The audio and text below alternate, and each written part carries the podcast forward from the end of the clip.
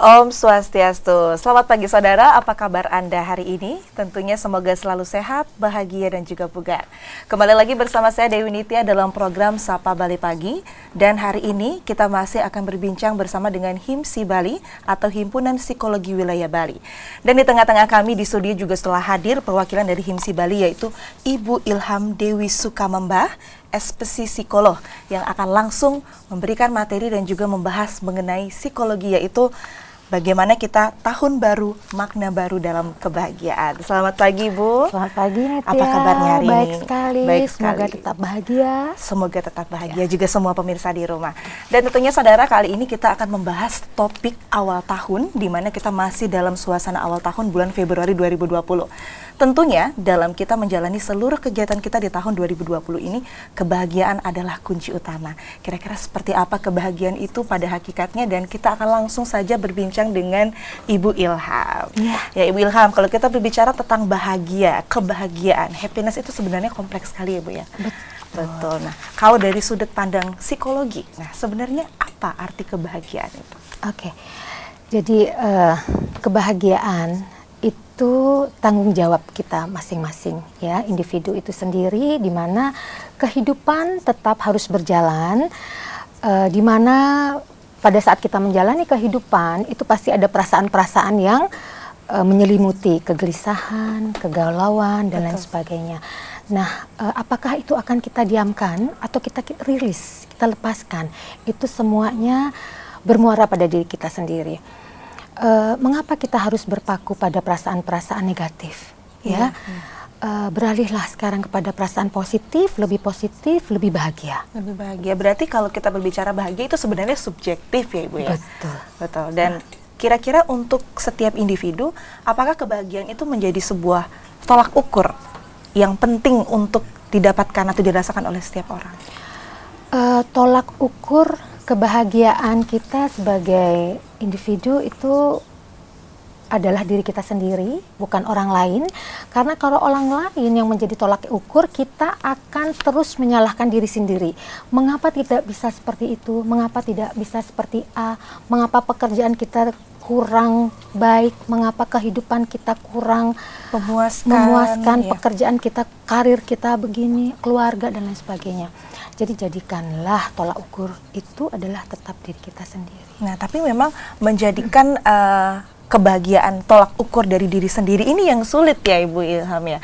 Karena kan kita nih sehari-hari kita pasti akan melihat orang lain, pasti kita akan membandingkan diri. Sebenarnya yang seperti itu bisa diminimalisir ya Bu ya. Nah, dengan eh, saat ini yang mana begitu banyaknya eh, informasi, kemudian sosial media yang bisa menjadikan eh, masukan atau informasi untuk kita, kita yang akan me- menjaga atau membuat frame untuk diri kita, ya. Apakah kita ingin melihat kehidupan seperti itu ataukah kita hidup dengan apa yang kita miliki?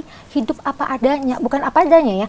Apa yang menjadi tolak ukur kita adalah oh kemampuan kita sampai ke di sini syukurilah apa yang sudah kita eh, dapatkan. Baik. karena kalau kita terus saja terus saja eh, tidak akan pernah habisnya dan terus akan membuat kita menjadi eh, merasa menjadi individu yang serba eh, apa serba nelongso ya serba Menelongso. terpuruk ya Serba terpuruk. Terpuruk, Oke, berarti iya. bahagia dan gratitude gitu itu juga itu beriringan biasa, ya, iya ya? sangat sangat luar biasa. Iya, tapi saat ini juga kita sering dengar ada kebahagiaan secara psikologis. Nah, Mm-mm. itu yang seperti itu, bagaimana kita biasanya untuk bisa um, membalancekan itu di kehidupan sehari? Ya. Apakah kita harus olahraga dan Nah, sebagainya? oke. Sekarang kita melihat dong ya kebahagiaan secara sudut pandang psikologis itu apa sih kaitannya?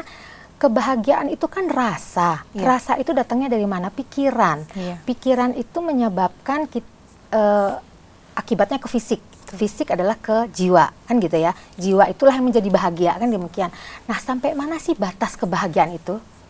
Kan demikian, sampai mana sih batas kebahagiaan itu kalau kita mel- mel- melakukan hal-hal yang di luar batas kemampuan kita, pasti kita akan merasa eh, terpaksa, merasa gelisah tadi, Gelisah, merasa ya. galau dan lain sebagainya. Tapi apabila kita melakukan aktivitas kita dengan eh, paduan pikiran yang eh, sebatas kemampuan kita, pasti itu akan menyamankan diri kita. Sehingga apa apabila kita sudah nyaman, jelas pasti ada ada rasa bahagia yang timbul. Oke, berarti ketika kita ingin uh, merasakan sebuah bahagia yang paling kita harus pikirkan terlebih dahulu adalah kemampuan, kemampuan kita ya. Kemampuan diri kita sendiri, mampu nggak kita? Kalau badan rasanya sudah bilang cukup, uh, cukup sudah. Iya. Karena kalau enggak kita paksakan, akibatnya akan lelah dan lelah timbul tidak nyaman. Tidak nyaman. Tidak nyaman, tidak bahagia. Nah, oke. Okay tadi menarik kata-katanya timbul lelah dan kita memaksakan. Iya. Tapi saat ini banyak sekali memang uh, beberapa orang dan termasuk saya sendiri mm -hmm. juga terkadang itu oh kita harus kuat nih. Mm -hmm. Wah masalah saya harus tegar menghadapinya. Nah yang seperti itu apakah juga uh, bisa menjadi salah satu hal yang membuat kita itu menjadi terpaksa melakukan atau memaksakan diri? Uh, itu kan se uh, itu sebagian kecil dari cara kita untuk memotivasi diri sendiri bahwa oke okay, kita cukupkan sampai di sini badan kita sudah mengatakan cukup lelah tapi kadang-kadang uh, hal apa uh, keadaan-keadaan tertentu memaksa kita untuk uh, melakukan sesuatu hal di luar kemampuan pikiran, kemampuan badan sehingga akhirnya yang timbul adalah perasaan tidak nyaman. Begitu perasaan tidak nyaman yang keluar adalah sakit, kayak enak badan, pusing iya. dan lain sebagainya. Baik, Itu akibat daripada kondisi di mana kita memaksakan diri berlebihan daripada apa yang uh, seharusnya uh, tubuh, pikiran itu mengatakan sudah cukup. Baik, berarti kita juga harus aware secara pribadi ya Bu ya. Luar biasa ketika itu awareness. sudah iya, capek. Iya, nah, iya. yang paling mudah kita untuk tahu, oh kayaknya tubuh ini butuh istirahat atau Pas, apa kira-kira? Okay. Pasti ada sinyal sebenarnya ya. Sebenarnya sinyal. Sinyal itu sekarang eh, apakah kita waspada terhadap datangnya sinyal itu atau kita mengabaikan? Itu keputusannya adalah pada diri kita sendiri yeah. kan.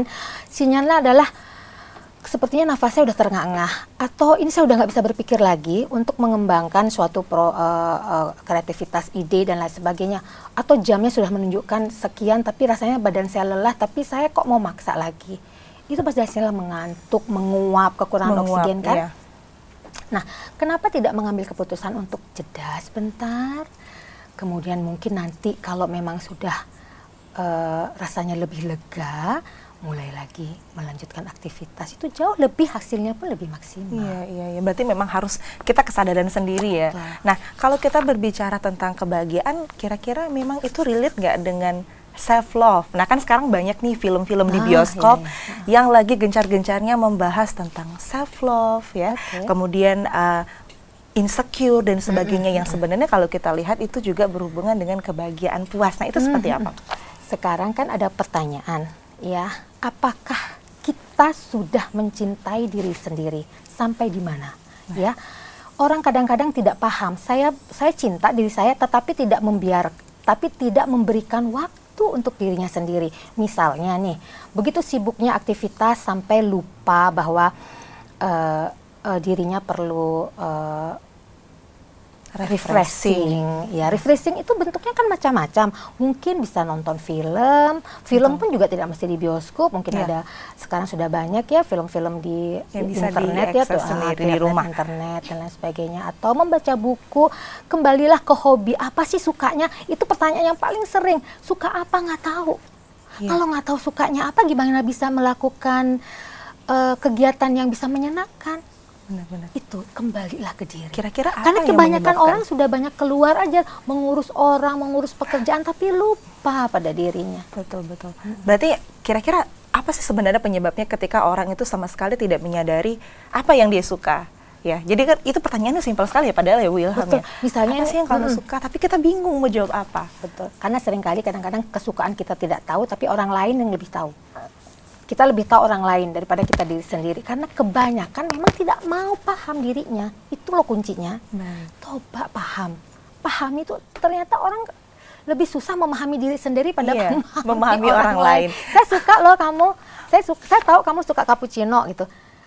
Terus saya kalau tanya terus ibu suka apa apa ya? Boleh deh ini tapi suka apa oh belum tahu juga karena saya lihat kamu enak minumnya. Nah itu kan tetap idenya ke orang lain Betul. kan atau gitu saya ya. apa aja suka nah, gitu itu ya. itu punya, yang paling uh, netral. tidak memiliki ketetapan hati tuh oh saya punya saya ini saya suka ini.